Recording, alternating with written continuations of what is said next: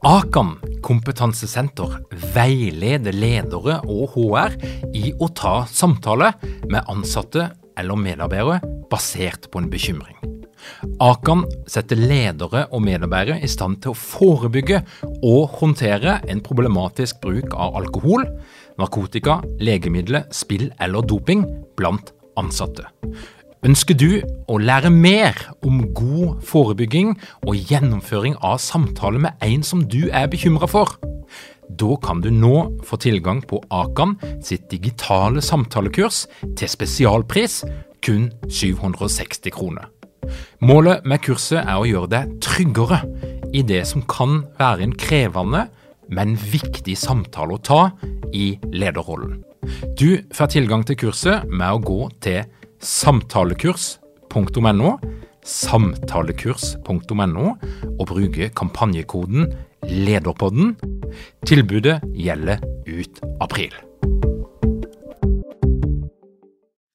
Mitt navn er Cecilie Ystøs Myhre, og jeg jobber som mentaltrener og lederutvikler. Og til høsten skal jeg ha en egen modul på lederprogrammet som omhandler selvledelse. På selvledelsesmodulen vil du lære deg mentale verktøy og teknikker som er forskningsbaserte, og som jeg har god erfaring med fungerer i praksis. Disse verktøyene skal jo sette deg i posisjon til å få ut potensialet ditt som leder, og da er vi allerede i gang med å også sette deg i posisjon til å få ut andres potensial. Så dette henger sammen. Så er du nysgjerrig eller interessert, så håper jeg å se deg til høsten. Eh, og mer informasjon det finner du på lederprogrammet.no. Håper vi ses!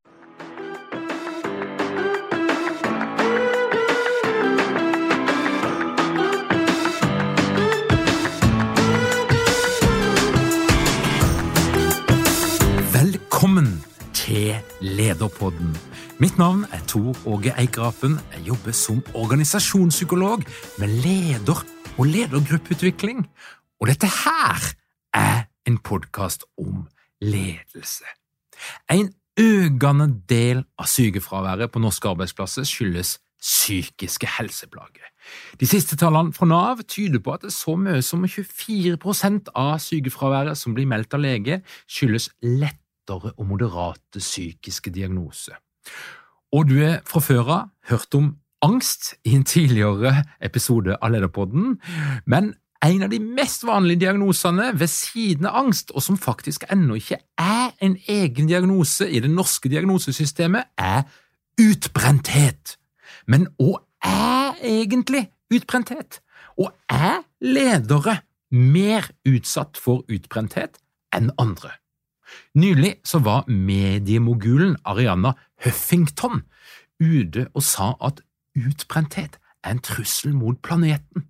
En bærekraftig planet starter med folk som lever bærekraftige liv, og der refererte hun blant annet til en undersøkelse fra prosjektverktøyselskapet Asana, der de fant ut at 71 av 13 000 kunnskapsarbeidere som de snakka med rundt i verden, hadde erfart en grad av utbrenthet det siste året.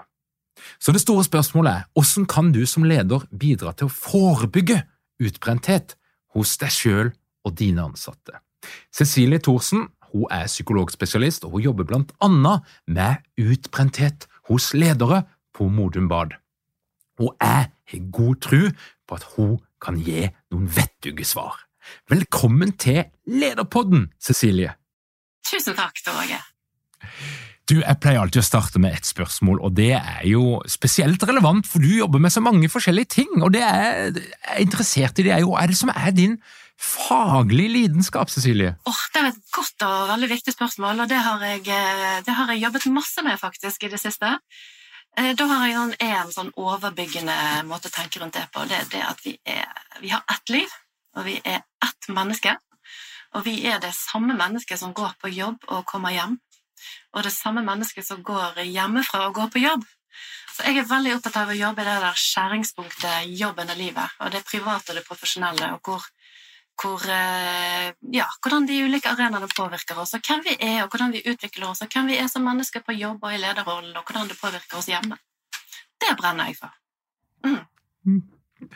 Og så har du altså jobba med dette her temaet utbrenthet, og da spesielt utbrenthet hos ledere, i mange år. Og, og en ting som jeg lurer litt på, det er, hvis vi bare skal starte der, hva, hva er det som definerer utbrenthet, og hva er forskjellen på utbrenthet og angst, depresjon og den type symptomer?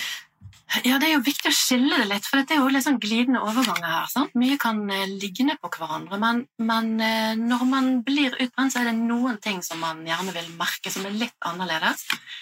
Og det er for det første dette med arbeidskapasitet. Man har ikke den samme arbeidskapasiteten som man hadde før disse symptomene begynte å melde seg. Eh, man merker kanskje at man jobber seinere, man føler ikke man er så effektiv. Eh, det går ikke unna, sånn som man gjerne har holdt på. Mm. Og så har man mange kompenseringsstrategier for det, men det kan vi komme litt tilbake til. Og så er det en sånn kognitive symptom, at du husker kanskje dårligere. Litt sånn teflonhode. Ehm, ja, eh, konsentrere deg dårligere. Noen får jo angst- og depresjonssymptom. Noen kan få panikkangstsymptom. Og Derfor kan det av og til være litt vanskelig å skille hvis man går til legen da, sant? eller skal gå i prøve å få hjelp, hva det egentlig er. Det er et veldig viktig sorteringsarbeid. det der.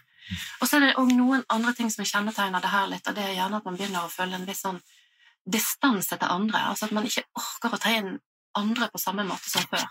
Jeg har jobbet mye med helsepersonell, eksempel, som er slitne, og den følelsen av at du ikke liksom orker å bry deg om pasientene dine eller klientene dine på samme måte, det er en veldig vond følelse. Det var jo gjerne ikke derfor du begynte i helsefeltet. sant? Mm.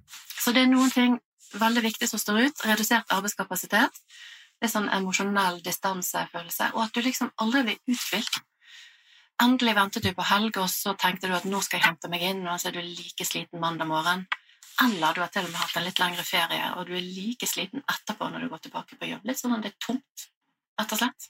Mm. Mm. Men så er det altså mulig å ha denne opplevelsen uten nødvendigvis å ha depressive tanker, ja. og uten å kjenne på noe engstelighet eller den type aktivering, den derre fryktfølelsen.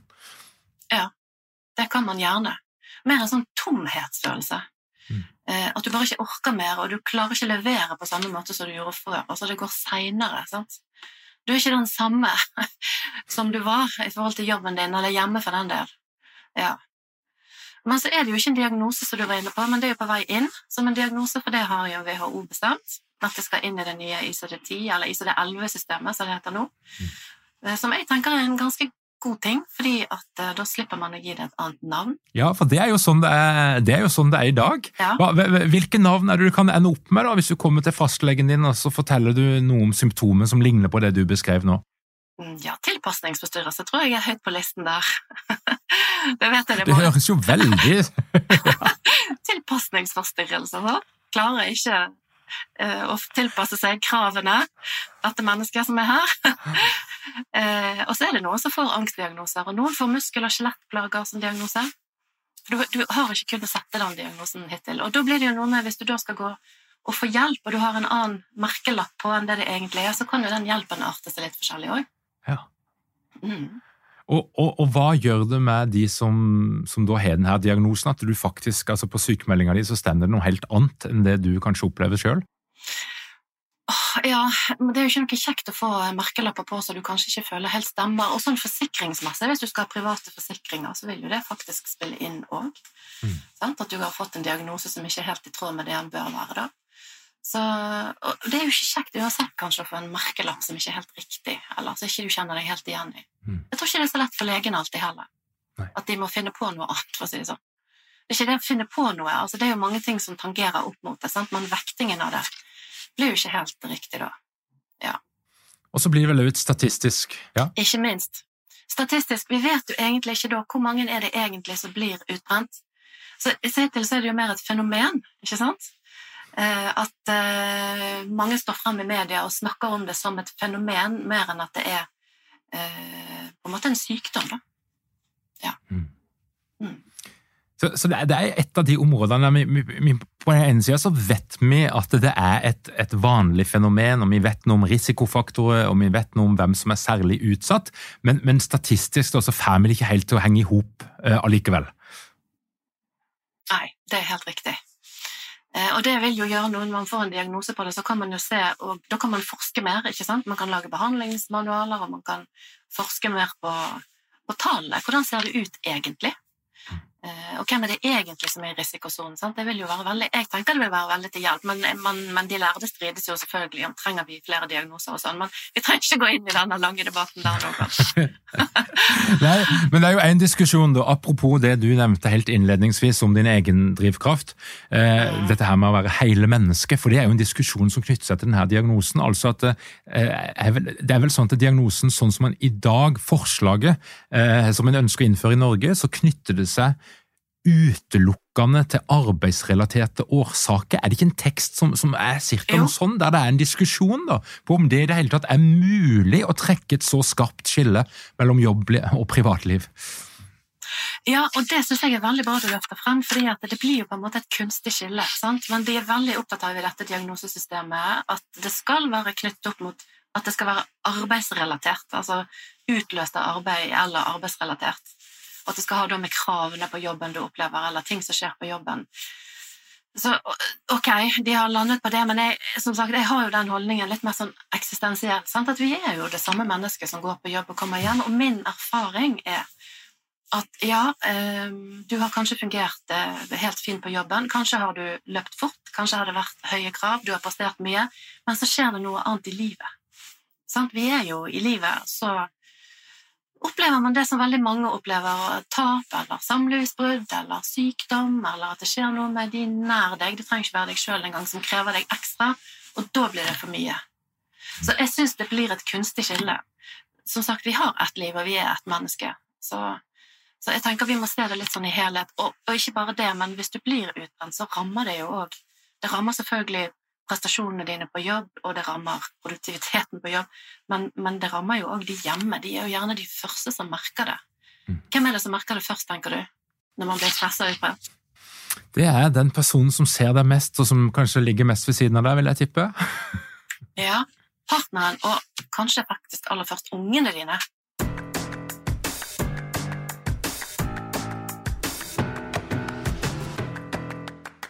Det er jo sånn at Du har jobba med noen særskilte yrkesgrupper. og, Når vi snakker om behandling, så er jo ikke det så vanlig faktisk, at vi deler inn behandlinga etter yrkesgruppe. Eh, men når du har jobba med utbrenthet, så vet jeg at du, har bl.a. jobba med, med, lege. Eh, du, du, jobber fast, du har et opplegg for, for ledere. Hva, hva, hva, er årsaken til at eh, f.eks. de yrkesgruppene trenger et eget behandlingsopplegg når det gjelder utbrenthet? Da tror jeg vi kan snakke litt om eh, leger først, siden jeg har vært tilknyttet et eh, system på eh, Modum Bad som heter Villa Sana, som har vært et tilbud for leger som trenger noe i mange år, da, i over 20 år. Så, så, det som er med akkurat legegruppen og hjelpeyrkene, der man har jo studert en del på det, hva slags type personlighetstrekk er det leger har, og det er heldigvis sånne leger som vi vil ha. Veldig samvittighetsfulle, pliktoppfyllende, sant? ordentlig og skikkelig og vil gjøre en god jobb. Og det er jo vanvittig gode fordeler og egenskaper å ha, men, men de har noen slagsider, de der. Mm. Sidene der, At du kan strekke deg for langt. Sant? At du strekker deg langt for pasientene dine, og du blir, du blir for opptatt av å gjøre en god jobb, eller for samvittighetsfull. Uh, og, og, det ser man at mange leger de går på jobb uh, når de tenker at andre burde vært sykemeldt. De strekker seg langt. Så derfor er det, Og Modum Bad, som jeg nå er leid inn for å jobbe for, de, de har jo hatt et veldig varmt og bankende hjerte for å hjelpe de som hjelper andre. Som er en veldig vakker ting i seg sjøl. Å sørge for at de skal vare, de som skal hjelpe andre å vare. Når det gjelder akkurat det lederkurset som er på Modum Bad, så er det for eh, ledere i helsesektoren. og eh, der man har kanskje noen av de samme egenskapene med seg i bakgrunnen, men akkurat det der, jeg har jobbet med ledere i mange sektorer. Mange kvinner og ulike sektorer, både i i helse og i politiet og i Forsvaret. Sant? Så de er jo litt sånn ulikt skrudd sammen. Men det er jo noen ting når det gjelder å være leder og bli veldig sliten, som går litt dårlig i hop. Skal jeg si litt om det? Ja, gjør det. ja. ja, fordi det er noe med Litt sånn du ser det Det gjør jo noe med identiteten vår, ikke sant? Det er jo det det går utover, egentlig. En ting er noen symptomer og sånn. Jeg syns det er mer interessant hva som egentlig skjer med vårt syn på oss sjøl det som skjer med identiteten vår og vår opplevelse av egenverdi når vi ikke virker på jobb sånn som vi egentlig vil, eller sånn som vi er vant til, eh, eller i en lederrolle der, der, vi tenker at vi skal være noen som noen kan lene seg til, gå foran, være gode eksempler. Det blir veldig synlig, sant? eh, for de du leder og i systemet ditt, hvis du plutselig ikke klarer å være på jobb. Så det er noe med litt sånn statusfall, opplever jeg at mange setter ord på. Det er som om du virkelig snubler og har falt, eh, hvis du går på en smell, for å si det bokstavelig.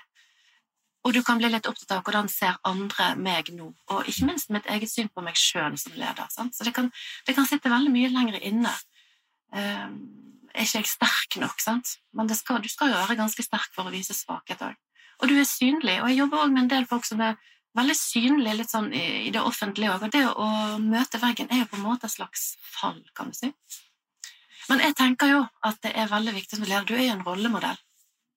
Apropos hva kan ledere gjøre for å for å fange opp andre, eller være Hva kan de gjøre for andre? Jeg tenker det er viktig at ledere er de rollemodellene de ønsker å være i forhold til at de er faktisk òg mennesker. Folk er folk. Alle blir slitne.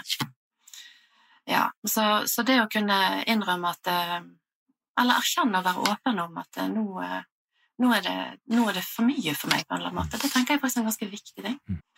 mm. De, de lederne som, som, du møter, og, og, og andre eh, så, så, Jeg vil jo anta at mange av de, de greier ikke helt å plassere de her symptomene og de her følelsene fra starten, og det er litt av det som gjør det vanskelig. Altså, du kjenner det ikke igjen, du har ikke noen ord for det. Men hva er det de, eh, spesielt i lederrollen, hva, hva er det de ofte kjenner på i, på tidlig stadie? De kjenner på at eh, Jo, de kommer ofte med samme bestilling. Kan du hjelpe meg å jobbe fortere? Eh, kan, har du noen gode teknikker for at det skal bli mer effektiv, og ikke minst kan du hjelpe meg å prioritere? Det siste syns jeg er et godt spørsmål. Det, spørsmål, nei, det første spørsmålet, da ringer alarmen min eh, veldig høyt. Hvis noen kommer med den bestillingen, kan du hjelpe meg å jobbe fortere? For de er vant til at de må levere, ikke sant? Eh, så det er noe av det første de merker, at eh, jeg, jeg, jeg, får ikke levert sånn som jeg skal, og det er ikke en god følelse. Og så vil de gjerne eh, sette opp tempo og de bør gjøre det motsatte. Ja. Det hjelper ikke å jobbe mer, du må jobbe mindre. Mm. Er det for deg som psykolog å jobbe med å få den erkjennelsen på plass? Kjempeviktig eh, å sette ord på at vi er folk, mm. og vi har, alle har de samme behovene.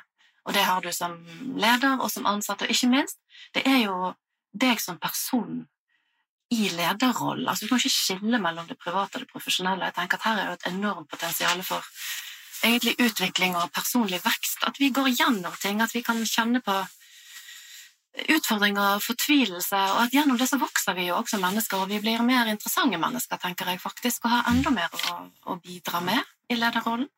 At vi er et helt menneske som, som ser eh, livet og arbeidslivet med alle sine aspekter. da det er kjempekjekt å jobbe med dette. ja. Ja, og det, En del av de lederne som jeg treffer, de er jo Når jeg er litt opptatt av personlighet, så, så, og, jeg, og, jeg, tester veldig mange ledere i forbindelse med lederprogram og ledergruppeutvikling og den slags. Og jeg ser jo at veldig mange er kjempehøye på den personlighetsdimensjonen som heter planmessighet. Eh, altså det å være ambisiøs, det å ha god selvdisiplin, det å eh, ha orden og struktur, og det å være flink og sette høye krav til seg sjøl. Og ja. sånn automatisk så vil jeg jo tenke at det kan på den ene sida være noe som gjør deg til en veldig god og effektiv leder. Og på den andre sida så kan det av og til bli en liten sårbarhetsfaktor i møte med det vonde og det vanskelige. Eh, hva slags betraktninger gjør du der rundt dette her, Cecilie? Ja, det syns jeg er en kjempeinteressant måte å vinkle det på. fordi det er klart at Når du har orden og struktur, det planmessige, du vil gjerne ha ting på stell, du vil ha oversikt, ikke sant? Og den følelsen når du mister oversikt og kontroll, og det ikke går etter planen, den er jo helt forferdelig når du kjenner at det begynner å skurre. Mm. Eh, og der har du jo den slagsiden igjen, sånn at hvis du har veldig behov for det, når det begynner å glippe, så er jo det noe med synet på deg sjøl. Hvem er jeg når jeg ikke klarer dette som som var viktig for meg, eller sånn som jeg tenker at jeg er, eller eh, det at Vi knytter så enormt mye av eh, identiteten vår opp mot hvem vi er på jobb, og hvordan vi tenker at vi er på jobb. Og hvis det begynner å skurre med sånn som jeg tenker at jeg virker, da, mm. eller sånn som jeg tenker jeg må ha det for å virke, så går jo det veldig ut på rett og slett vårt syn på oss sjøl og identiteten vår, rett og slett. Og ikke minst litt sånn statusfallet. Og det er litt, jeg er jo en litt sånn eksistensielt opptatt psykolog. Eh, jeg er litt opptatt av dette med eh, ja, hvordan vi tenker vi eksisterer, og det statusfallet Altså, vi havner jo fort òg i statusmøllen, ikke sant? Vi har kanskje en plan på hva vi skal tikke av, hvordan vi skal krabbe oppover i dette ledersystem eller lederrolle. Eh, ja, men vi kan komme litt tilbake til det. Det går kanskje litt for langt ut i den tematikken. Det var ikke helt det du spurte om. jo, det, jeg tenker det er veldig bra. Og, og, men jeg blir så nysgjerrig på For du, du treffer mange. Eh, du har mengdetrening på å møte utbrente mennesker. Og da lurer jeg på, er det noen sånn klassiske faser som en gjeng igjennom? Kan du si noe om hvordan så, ser et sånn forløp ut, og alvorlig blir det? Og, og Snakker vi om lange sykemeldinger, og kjapt kommer folk tilbake? Er det, noe, er det mulig å si noe generelt om det? Det kan jeg si noe generelt om. Det generelle er at folk eh, øh, begynner med dette at de kjenner det glipper, og så begynner de å kompensere for det. Eh, sånn som jeg sa i sted, med å jobbe fortere, ønske å bli mer effektiv. Og så begynner de med noen sånne mestringsstrategier som ikke virker. Eh, og det er noen av disse. Og så er det eksempel å begynne å kutte ut de tingene som vi egentlig trenger. Eksempel eh, trene, som koster litt for noen, sant? hvis ikke du har veldig etablert den vanen. Noen begynner å skulle bare sove litt mindre. Mange leger de går jo faktisk ikke på do i arbeidstiden. Dette ble jeg veldig sjokkert over når jeg hørte. Mange leger de spiser faktisk ikke. Jeg vil ikke bli operert av en kirurg med veldig lavt blodsukker, men sånn er det faktisk i helsevesenet. Så en del av disse strategiene er helt sånn typisk. Du begynner å kompensere med det du tenker er helt kjempegode mestringsstrategier, eller en annen som ikke virker. Eh, når jeg bare får hvilt litt, eller når bare den medarbeideren kommer tilbake, da blir det roligere, eller Eh, når jeg bare får vekk den oppgaven, da roer det seg. Det er, sånn, det er, det som man kaller for ønsketenkning. Det kan jeg kjenne meg veldig igjen i. Mm. Når jeg bare har gjort det og det og det, og når det er ferdig, ja, da kan jeg slappe av. Og så går man kanskje altfor lenge og holder på sånn som det der. Det er helt sånn typiske forløp. Og så er det en annen ting, og det er det at man går for lenge før man tenker at jeg må for det første tenke meg litt om hva som skjer, og for det andre eh, roe meg ned og så ha en pause. Og så er det veldig mange som kommer på jobb igjen lenge før de skulle ha vært på jobb. Det tar litt tid. Ja, altså Har du virkelig blitt utbrent, så tar det, tar det litt tid å komme seg. Det tar ikke to uker. Og hvor lang tid snakker vi om? Det tar noen måneder. Hvis du virkelig er utbrent, så tenker jeg at ja, det tar noen måneder. For noen tar det to, for noen tar det et halvt år, og for noen tar det ett år. Rett og slett. Eh, men folk har det travelt. sant? Mange ledere føler jo på en måte at de bør være der de er. Og de tenker kanskje at ok, dette får en nå tåle, jeg er jo leder, jeg har valgt dette sjøl, så da får du nå bare tåle det. Og noen får jo høre det òg, det er en del av det å være leder, du må tåle det presset. Og så går man tilbake i jobb for tidlig. Og så går man kanskje på nok en smell, og det er jo enda verre for sånn som man ser på seg sjøl. Så, så, der tenker jeg at man bør heller være litt lenger vekke enn litt for kort. Da mm. hjelper du deg sjøl. Mm. Ja. Og, og, og, hva er det som skjer eh, når denne her typen pasienter, klienter, når, når denne gjengen tar kontakt med, med, helsevesenet eller greier å komme seg inn på et av dine opplegg, hva, hva er det som er forløpet som klarer å dra de ut av tilstanden og få til den endringa? For jeg tenker det er jo et stort steg i seg sjøl. Mm. Eh, for det første skjønne Vi lærer jo de, eller jeg når jeg er i samtale med noen, prøver å sette ord på hvordan det ser ut, om de kjenner seg igjen i dette. Er dette noen tegn på at du er på vei inn i noe? Eh, eller er du midt oppi det? For noen er det veldig viktig å få, få på begrepene på plass og noen knagger å henge det på. ikke sant? Mm. Det er første steg. Det er jo en slags erkjennelse og bevisstgjøring. Eh, og så er det rett og slett ok, hvis det er sånn, hva gjør jeg nå? Eh, og gå de rundene du trenger med deg sjøl i forhold til å ta deg sjøl på alvor, da. Eh, og ikke bare tenke det, men faktisk gjøre det. sant? Eh, og kanskje be om hjelp, sånn som mange da har gjort og bestemme seg for å ta en pause før en begynner å jobbe igjen. Mm. Og, og, for noen så er det jo rett og slett Jeg er jo litt opptatt av det eksistensielle. Så for noen så handler det her rett og slett om å kaste kortene litt sånn opp. Hva er det som er viktig for meg, egentlig? Eh, hva er det som driver meg i sånn som jeg organiserer meg? Mange snakker jo veldig om tidsklemmer. Jeg tenker veldig mye det handler om prioriteringsklemmer. Altså det er så mye vi vil. Det er så mye vi vil i uh, livene våre. sant? mye vi syns er gøy, uh, mye vi syns er interessant, og vi sammenligner oss jo mer med folk enn vi noen gang har gjort. Det er ikke lenger bare gaten eller klasserommet, det er jo, det er jo alle, sant. Mm. Det er, det er, hele verden vi kan se hvordan folk presterer og leverer, og på LinkedIn og ja, så, så jeg tenker jo at det er kanskje noe av det vi må hjelpe oss sjøl med. å en fot i bakken, sette ned tempo og faktisk tenke oss litt om. Mm. Hva er viktig for meg, og hvordan er det jeg vil ha det, og hvordan skal det se ut for meg fremover? Eller når jeg er 80, hva skal jeg se tilbake på i livet mitt? ja. Litt store spørsmål, faktisk. Ja, men veldig viktige spørsmål. og Det er jo litt den her strategisamlinga med seg sjøl. Ja. Men, men min opplevelse er jo at eh, når ledere er litt på bristepunkt, og jeg treffer en del av de med jevne mellomrom, så er jo min opplevelse at de blir i dårligere og dårligere stand til å gå ut av seg sjøl, zoome ut og ta fornuftige valg. Og det er jo noe med den skal kanskje ikke overdrive det, men den, du sier jo noe om at den kognitive fungeringa blir svekka jo lenger du er i denne tilstanden. Eh, Og En kan jo da tenke seg at forutsetningene dine for å ta gode valg for deg sjøl blir egentlig dårligere og dårligere jo lenger du stender i det. Mm. Hva tenker du? Jo, det tenker jeg. Du ser ikke skogen for bare trær til slutt. Eh, Og jo mer tynt du er på grensene for å ramme deg inn og ta en pause, sant? jo vanskeligere er det å sette de grensene. Mm. Det ser jeg jo for alle, det ser jeg for ledere òg, og at veldig mange strekker seg enormt langt. Eh, Så her gjelder det jo egentlig å prøve å være litt sånn klok navigatør i dette her, både jobben og livet og stress- og kravterrenget, da. Så det er jo lett å si altså Alt er mye lettere å få til når du eh, er ovenpå. Alt koster veldig mye mer når du virkelig begynner å bli tynt og sliten, sant? for du, du klarer jo heller ikke å reflektere på samme måte som du gjorde. Så, så det er jo dessverre ikke noe annet å si enn at eh, går du på en smell, så må du ta den tiden det tar å kunne begynne å reflektere litt igjen, sant? og få energilagrene dine fylt på igjen. Men jeg, jeg sier ikke at det er enkelt. Det høres jo veldig enkelt ut når jeg sier det nå, men dette er jo ikke enkelt. Det er ikke enkelt å Det er ikke Har ikke mange ledere uten trening eller utdannelse innen ledelse? Mangler dere en felles kultur og praksisforledelse? Ønsker du dere å være bedre rustet for fremtidig vekst og endring? Da kan et internt lederutviklingsprogram være en god investering.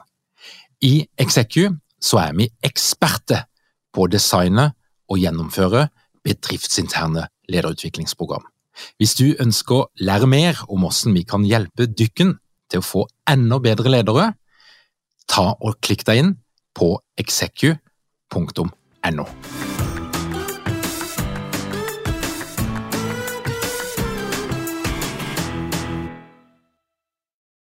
enkelt å stoppe opp, det er ikke enkelt å snu om på den stil du har lagt opp til. Det er ikke enkelt å begynne å tenke på seg sjøl i tilværelsen eller hva som driver deg. Det er ikke enkelt, altså. Mm. Det tar litt tid. Men det er interessante indre reiser når du begynner på de. Ja. Men jeg, jeg sitter med en erfaring på at eh, for de fleste prestasjonsdrevne ledere som jeg møter, så er det sånn at eh, det må skje noe dramatisk før de stopper opp. Det må skje noe dramatisk før de søker hjelp, og før de faktisk reelt innser at det, må en endring til. Og da snakker jeg om gjerne et eh, panikkanfall, en besvimelse, et eller annet veldig fysisk symptom som, som, som er mulig å diagnostisere. Men, men det, må, det skal ganske store ting til før en sånn person snur eller justerer kursen eller innser at nå må jeg faktisk stoppe opp. Ja, Det kjenner jeg veldig igjen. Eh, store ting, eh, gjerne fysiske ting, for da har du det og den knaggen å henge det på. sant? At du får et nærmest infarkt, eller du, eh, du løper deg til et infarkt, eller eh, du får et panikkangstanfall. sant? Jeg, jeg hadde faktisk en podkastepisode som jeg spilte inn sjøl. Med, med hun som var leder på legevakten her i Bergen. Hun ble kåret til årets bergenser for noen år siden. og Hun fikk et sånn svimmelhetsanfall der hun gikk ut av bilen og kunne rett slett ikke kjøre og måtte bare sette seg i veikanten. Da skjønte hun at nå, nå må jeg stoppe. Vi stoler altså betydelig mer på de fysiske og litt sånn liksom somatiske symptomene enn vi stoler på de mer uh, psykiske. Ja, mange gjør jo det. Eh, Det er lettere knagger å henge det på, og kanskje det ser bedre ut utad òg. Sant? Mm. Eh, når vi har eh, fått en del sånne symptomer som er eh, ikke så tabubelagte, da, selv om det blir mindre og mindre tabu, så er det jo faktisk Jo, det er faktisk litt tabu. Det vil jeg påstå. Og den terskelen tenker jeg kan være veldig høy på toppledernivå, og den er ganske høy. Jeg er ikke sånn for å sementere forskjell på kvinner og menn, men den er jo, syns jeg, høyere hos en del menn, da. Uh, ja. Jeg vet ikke hva du syns om det, men jo, eh, det er et eller annet, det er jeg helt enig med deg. Og så ser jeg jo at det er en endring som har skjedd de siste årene, sånn generelt knytta til psykisk helse, spesielt de to-tre siste årene, der denne åpenheten har jo tatt helt av gårde. Og jeg, og jeg syns det er veldig, veldig bra. Og det er stadig flere rollemodeller, vil jeg si, både kvinner og menn i ledersjiktet som, som, er åpne rundt eh, det som vi før kategoriserte som svakhet, men som vi nå tenker på som en del av det å være et menneske, ja. på godt og vondt. Ja, heldigvis. Mm. Det er, dette er jo gode rollemodeller som står frem, sant? Mm. og som, eh, som uh, sier noe om at ja, sånn er det. Og at det er heller ikke verdens undergang. Og det å tåle det at andre kan uh, altså romme synet på deg sjøl, at du tenker at andre kan se at det kan skje med meg òg, og det tenker jeg er veldig gode rollemodeller og veldig viktig. Ja. Mm. Du, Veien inn i utbrenthet, altså den klassiske er jo, forståelsen er jo kanskje at du har veldig mye å gjøre, og du har veldig mye Eh, ansvar og forventninger rundt forbi, og, og, det er arbeidsmengden som til slutt til det.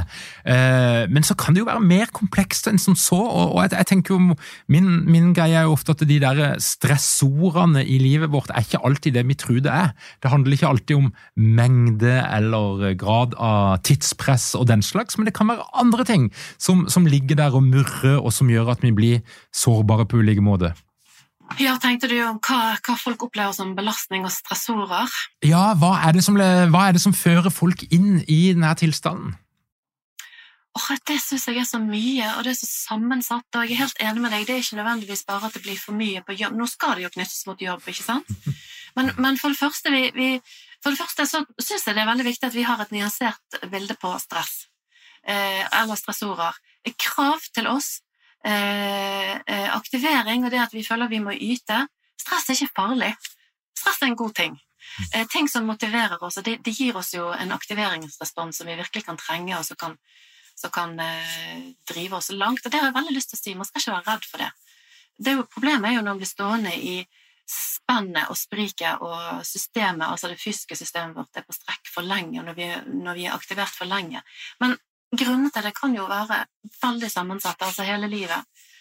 Alt fra ting som innhenter deg i eh, ekteskapet ditt, til, til sykdom, sant? til eh, noe som skjer med ungene dine, eh, erfaringer du har på jobb. Altså, Én ting er noe krav på jobb, men konflikter på jobb, det er jo en kjempebelastning for folk. Mm. Eh, hvis du føler deg eh, sjøl utsatt for mobbing eller trakassering på jobb Altså ting som skjer på jobben som ikke nødvendigvis har med krav å gjøre, men i det psykososiale, f.eks. Så det, det, er, jeg tenker at det som stresser folk, er veldig ulikt, og folk reagerer ulikt på ulike ting. Eh, og vi har våre ulike sårbarheter. Det er jo ikke noen det, det spørsmålet, eller Svaret til det spørsmålet er like stort som spørsmålet, egentlig. Jeg vil si det er alt. Ja. Hei, jeg heter Bård Fyn. Jeg er nerdete opptatt av samarbeid. Og det er fordi jeg gjennom mange år i Forsvaret har kjent på hvor utrolig givende det er når samarbeid på jobb fungerer, og hvor utrolig slitsomt det er når samarbeidet ikke fungerer. Noe av det jeg har kjent på, er hvor avgjørende min psykologiske trygghet er. Både for at jeg sjøl skal kunne ha det bra på jobb, men også at jeg skal kunne gjøre det bra på jobb denne psykologiske tryggheten viser seg viktig for at vi skal kunne jobbe effektivt sammen mot de målene vi setter oss.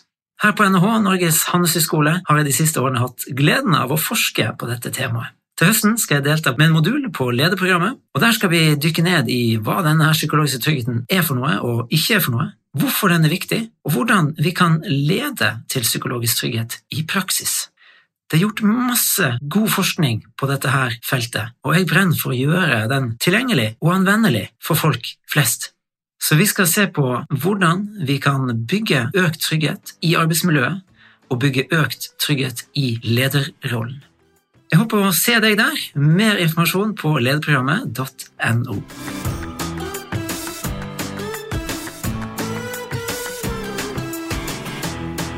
En ting er å som leder sjøl eh, oppleve symptomer på utbrenthet, som, som, egentlig mellom linjene så hører jeg jo at du er kanskje litt ekstra utsatt som leder, kan en tenke?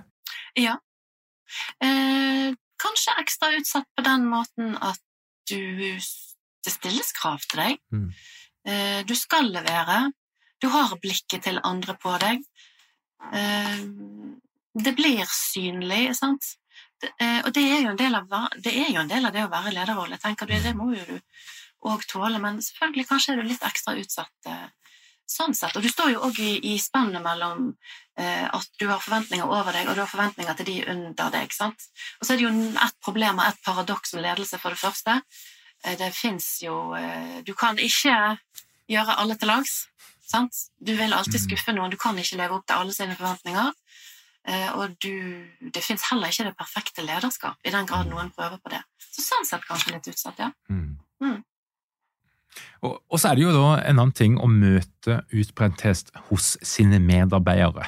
Og der tror jeg det er mange ledere som kjenner på et eh, ansvar, eh, men som syns det er vanskelig.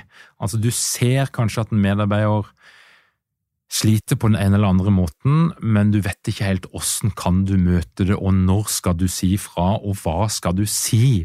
Eh, og hva tenker du om det problemet? Nei, ledere har jo en kjempeviktig rolle. For det første som rollemodeller. Mm.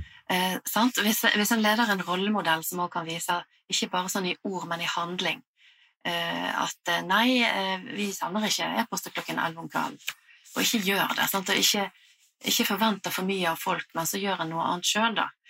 Eh, Så det tenker jeg å være i handling den du tenker andre skal være for når det gjelder å ramme inn seg sjøl. Men hvis du begynner å fange opp at det er at du begynner å bli bekymret for noe, så ville jeg jo faktisk spurt. Mm. Eh, hvis du har den relasjonen, Mm. eh, ta opp om det er, er det noe, det, det er noe jeg lurer på, hvordan går det? Eh, hvordan er jobben din organisert? Føler du at det er jo noe med kravene man følger på jobb. Er, kravene her innafor? For det første, er de innafor på den måten at ikke det er for mye, eller er det for lite? Det er noe som heter bore-out. Det er ikke bare burn-out, men bore-out. Altså, noen kjeder seg jo faktisk hvis ikke de får utfordringer eller, eller krav, sant? Så er, er det kravene passelig i forhold til for lite og for mye? Er det noe vi kan ta hensyn til? Kan noe organiseres litt annerledes? Um, og så er vi jo òg veldig sånn Jobbtiden har jo forandret seg. Det, er, det er en mer glidende overgang mellom jobben og, og det private, da, i forhold til hva man forventer at når folk skal stille. Sant? Ja, det går bra med hjemmekontor, men, men grensene viskes jo òg litt mer ut. Så der tenker jeg ledere kan gjøre en ganske god og viktig jobb i forhold til hvordan man syns det er ok å organisere seg da, når det gjelder når du er på jobb og ikke. Mm. Så, så, men, men å ta det opp og spørre, og selvfølgelig koble på BHT i den grad eh, det er mulighet for det, ikke, la, ikke bare la det skure, Mm. men spørre og sette ord på det. Eh, Og sjøl være en god rollemodell. Og så er det jo masse man kan gjøre mer på organisasjonsnivå, selvfølgelig. Mm. Ja. Ja, og det er jeg litt sånn nysgjerrig på, for en kan jo tenke at dette her er et individuelt problem, altså at det handler om en enkeltperson og sårbarhet og den, ja, eh, individet, men en kan jo tenke at et element som kan være forebyggende er jo kultur, arbeidsmiljø, altså den, den, det litt større bildet på en arbeidsplass, og en kan vel tenke seg til det, noen arbeidsplasser, noen type kulturer eh, som i seg selv er en risikofaktor for utbrenthet, og så kan en vel tenke at det finnes òg noen kulturer som er en beskyttende faktor. Hva vet vi om dette her? Jo, dette, eh, dette må vi snakke om, for det er jo nettopp det du sier, sant? at det er individet som havner i stolen hos eh, psykologen eller coachen eller på bedriftshelsetjenesten. Eh, og greit nok, vi er jo de viktigste aktørene i vårt eget liv, kan du si, så, så det er, vi har en veldig viktig rolle sjøl. Men, men jeg tenker vi må snakke litt mer om sånn systemet, altså stress på organisasjonsnivå.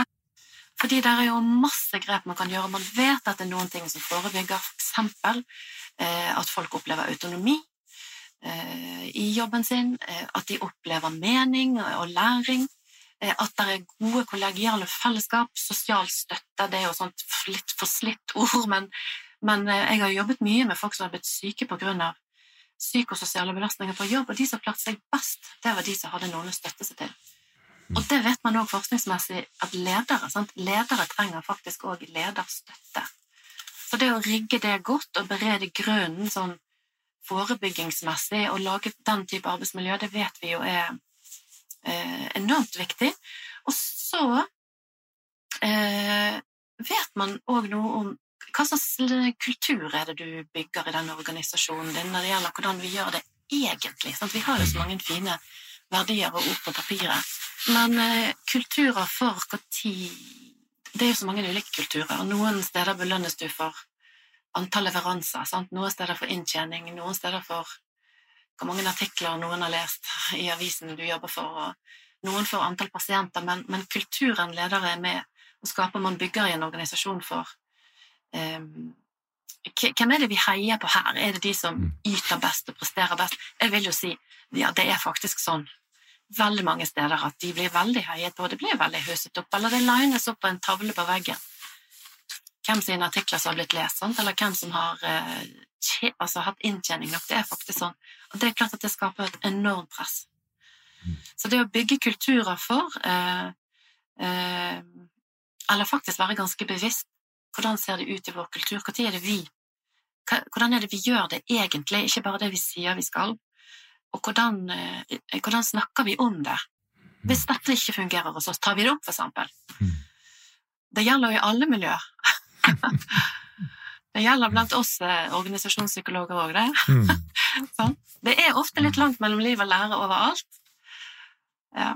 Men det du sier noe om, det er, det er jo et, et, klima som er, er, veldig prestasjonsorientert, uten å ha plass til den menneskelige dimensjonen med å kjenne på negative følelser, med å kunne snakke om det som, som ikke alltid funker så bra òg. Eh, der, der er det jo en risikofaktor. og jeg tenker jo at den den her trenden vi har sett rundt psykologisk trygghet, som, som, veldig mange i dag er opptatt av, og knyttet til prestasjoner og den slags, der ligger det, uh, uansett om vi begynner å kanskje bli lei av selve begrepet, så ligger det en god del i det begrepet som jeg tenker er forebyggende.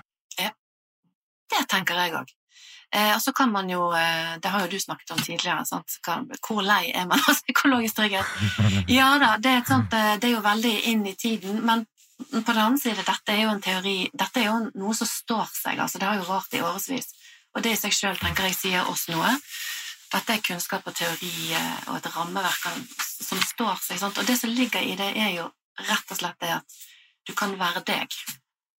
Mm. Eh, på godt og vondt.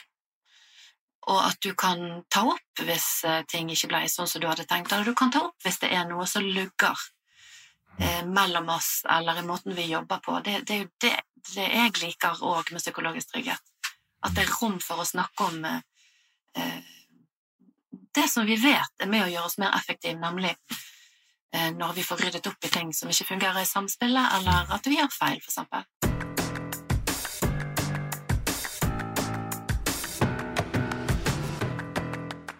Du, eh, nå har vi vært liksom og, og, og, marinert oss godt i utbrentheten, men det vi òg må snakke om, det er jo veien ut. Ja. Eh, og jeg er jo sikker på at det finnes like mange veier ut som veier inn, men, men på den andre sida så vet vi jo om at det, det, det er jo noe som, som funker bedre enn en andre ting. Og du sa jo noe viktig i stad med det å eh, ikke gå tilbake fra sykemeldinga for, for, tidlig. og Da sier du jo noe om at, at, dette her er noe som krever tid. At tid er en faktor i å få det bedre. Men hvilke andre faktorer er det som, som gjør at folk kommer tilbake igjen til der de kanskje en gang var, eller kanskje de gjør noe helt nytt, men at energien kommer tilbake igjen? Jeg beklager å si det om igjen og om igjen, men tiden er en vesentlig faktor. Eh, du må ta den tiden det tar eh, for at du skal være litt sånn fylt opp igjen av den energien du trenger. Mm. Og så er det, eh, er det noe man vet er helsebringende. Så er det jo rett og slett Og nå høres jeg veldig sånn psykisk ut, holdt jeg på å si, men det, det er jo altså det, det der å få med deg de der gode øyeblikkene altså Det er helsebringende eh, å være til stede. Og få med deg når ungene dine sitter og nynner og putler med noe, eller når du går den skituren, eller når du Eh, når du er en sånn flytfølelse der du gjør noe som er ok for deg. Det trenger ikke være sånn lykkelige ting, men meningsfulle ting. At du faktisk kjenner at du kan engasjere deg i ting som gir mening, og uh, være i, i, de der hverdags, gode hverdagsøyeblikkene som ikke trenger å vare så lenge. det vet man jo faktisk er helsebringende, og dette er jo litt for slitt. Mm. Men jeg har lyst til å si det likevel. Altså, du skal ikke kimse med verdien og det helsebringende i det, da. Mm. Eh, og engasjere deg i ting som er meningsfulle, og faktisk òg eh, av og til kunne være noe for andre.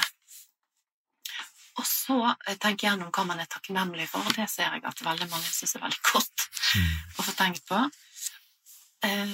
Og veien ut handler jo òg om å ikke være så veldig Altså være mer raus med seg sjøl. Mer raus med at jeg er meg, det får nå være godt nok. Jeg gikk på en smell, det er greit. Jeg er som folk flest. Det er godt nok. Eh, Kanskje var det litt middelmådig. Ja, ja, det er helt fint. Mm. Det, det høres så enkelt ut, og det høres veldig sånn forslipp ut når jeg sier det, men, men det er det jeg ser virker faktisk. Og så er det òg å tenke seg veldig nøye om hvordan går jeg tilbake i jobb, går jeg tilbake i samme prosentstilling, skal jeg ta det litt sakte, kanskje jeg ikke skal begynne på jobb med en gang. Kanskje du skal ta noen runder med lederen din, enten du er leder sjøl eller ikke er leder.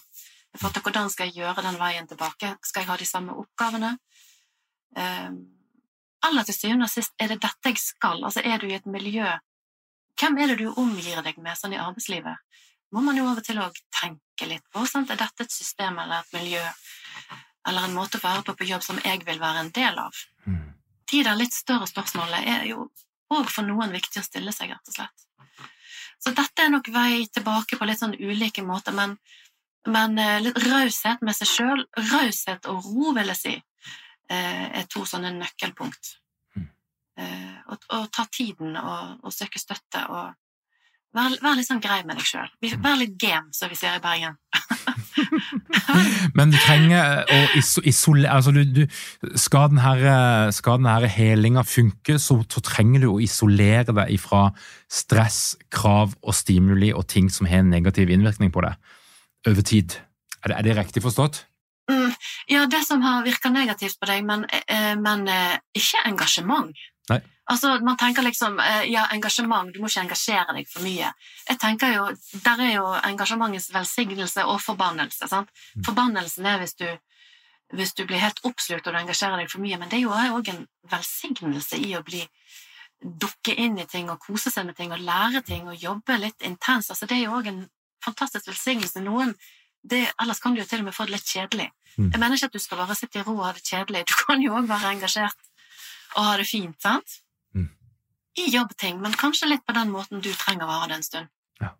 Og, og, av de du møter på Modum, og, og der du har jobba i mange år, og vanlig er det at folk tar en helomvending i livet sitt etter en sånn opplevelse? Altså at de, de kommer litt mer i synk med verdiene sine, og så velger de faktisk å, å gjøre noe helt annet, eh, eller å leve på en helt annen måte? Jeg tror må svare at det er ikke helt uvanlig. Eh, Jeg snakker med folk av og til som, eh, som gjør seg noen erfaringer der de kaster opp kortene og får tenkt litt skikkelig gjennom ting, og får bare roet ned litt. Og da får de tenkt, tenkt litt, sant. Så det er ikke uvanlig at folk ender med at 'jeg har lyst til å holde på med noe annet', eller på en annen måte, eller Mm. i en annen setting. Men det er jo ikke de fleste. Mm. Jeg vil si at de fleste tar den jobben det er med å, å få komme seg til hektene igjen, og så vender de tilbake til, til der de var, om enn kanskje på en litt annen måte. Du kan jo være samme sted, men på en litt annen måte. Være deg på en litt annen måte. Kanskje på en litt sunnere måte.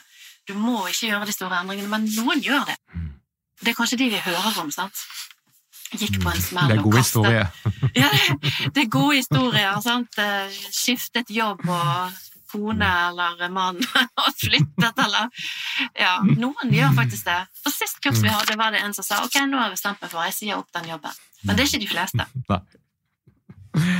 Du, eh, eh, ledere som hører på Lederpodden, noen sitter jo akkurat nå og kjenner at de er litt på kanten. Eh, og de har kanskje kjent på det lenge og, og begynner å nærme seg en eller annen vegg eller et eller annet stup, eller åssen metafor vi skal bruke. Og mange som er i den situasjonen, de er jo litt låst. Altså, jo, jo lenger du har kronisk stress, jo mindre muligheter ser du, jo mindre kognitivt fungerer du, og jo mindre evne har du til å ta et litt annet perspektiv, eh, metaperspektiv, eller hva vi skal kalle det. Men, men hva er ditt råd? Hva bør du gjøre hvis du er på det stedet? Hvis du kjenner det lugger, så bør du eh, ta luggen, luggingen på alvor. Eh, ikke overse det. Eh, Istedenfor å jage på, stopp opp litt. Eh, tenk deg litt om, også sånn type psykologting å si. Kjenn litt etter, men jeg mener det dessverre. Altså stoppe opp litt, tenk deg om, eh, kjenn litt etter, og så snakk med noen. Eh, ikke gå og tenk at du, eh, du Dette med sosial støtte, altså det er jo det der begrepet, sant? men snakk med noen, diskuter med noen. Snakk med den du har hjemme. Hva er det du ser med meg? Snakk med noen du stoler på på jobben din, eller noen i ledergruppen, eller du har en lederveileder eller en coach. altså ta opp, Bare sett ord på det og prøv å begynne å nøste det. Ikke bare lat som det ikke er der. Mm. Det hjelper ikke. Mm. Ikke overse det. Mm. Mm. Og så er det jo viktig å si at det er hjelp å få, og det er mulig å få det Ja. bedre, men som du sagt, det kan være en ganske tung og lang vei som krever at du stiller noen ganske krevende spørsmål til deg sjøl. Ja, og det har jeg lyst til å si. Eh, altså, du, eh, livet er ikke over om du skulle bli utbrent. De aller, aller fleste, de eh, går gjennom dette og kommer helt fint ut på andre siden, og til og med ikke bare det, som et litt klokere menneske. Eh, som et helt menneske med, som kjenner litt på livet sånn som det er. Så, så jeg tenker at det, det er ikke verdens undergang om du, du blir eh, utbrent. Så det ordet er jo helt forferdelig i seg sjøl, at du blir utbrent. Mm. Det er ikke et sånt godt ord, sånn sett. Det er ikke så mye håp i det, men de fleste kommer gjennom det her. Mm. Uh, og det gjør man kanskje på egen hånd, eller kanskje med, med noen som går litt ved siden av deg da, og hjelper deg litt på veien. Mm. Så, så det har jeg lyst til å si. At det ikke er så mange jeg vet om som ikke eh, klarte å komme over kneiken.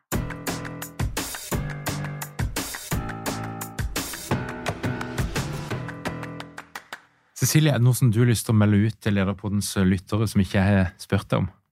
Ja, jeg, jeg er jo en litt sånn eksistensielt orientert psykolog, ikke sant? Eh, Så jeg har veldig lyst til å kanskje trekke frem det som jeg har satt litt ord på, litt sånn eh, i det, i det store det hele. Dette her med å noen ganger tenke seg om hvem Hva er det som er viktig for meg?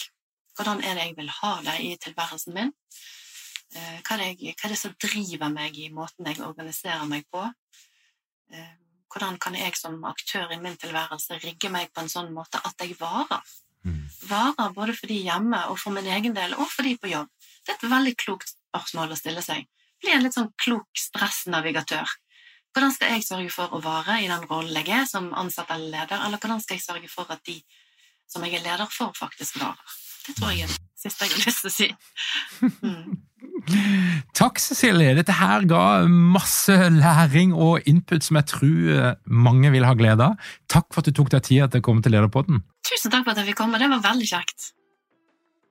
Til deg som hører på, hvis du har lyst til å få med deg alt som skjer i vårt lederunivers, da kommer du deg inn på lederpodden.no, trykk på den rette knappen og legg igjen din e-post, og du vil få vårt ferske nyhetsbrev i din innboks hver eneste fredag. Og hvis du har lyst til å lære mer og har lyst til å utvikle deg som leder, ja, da har vi altså lederprogrammet. Påmeldinga er nå åpen. Vi starter 28. september, men det begynner å fylles opp allerede! Og hvis du er nysgjerrig, så kan du gå inn på lederprogrammet.no. Takk for at du hører på Lederpodden. Vi høres igjen om ei uke.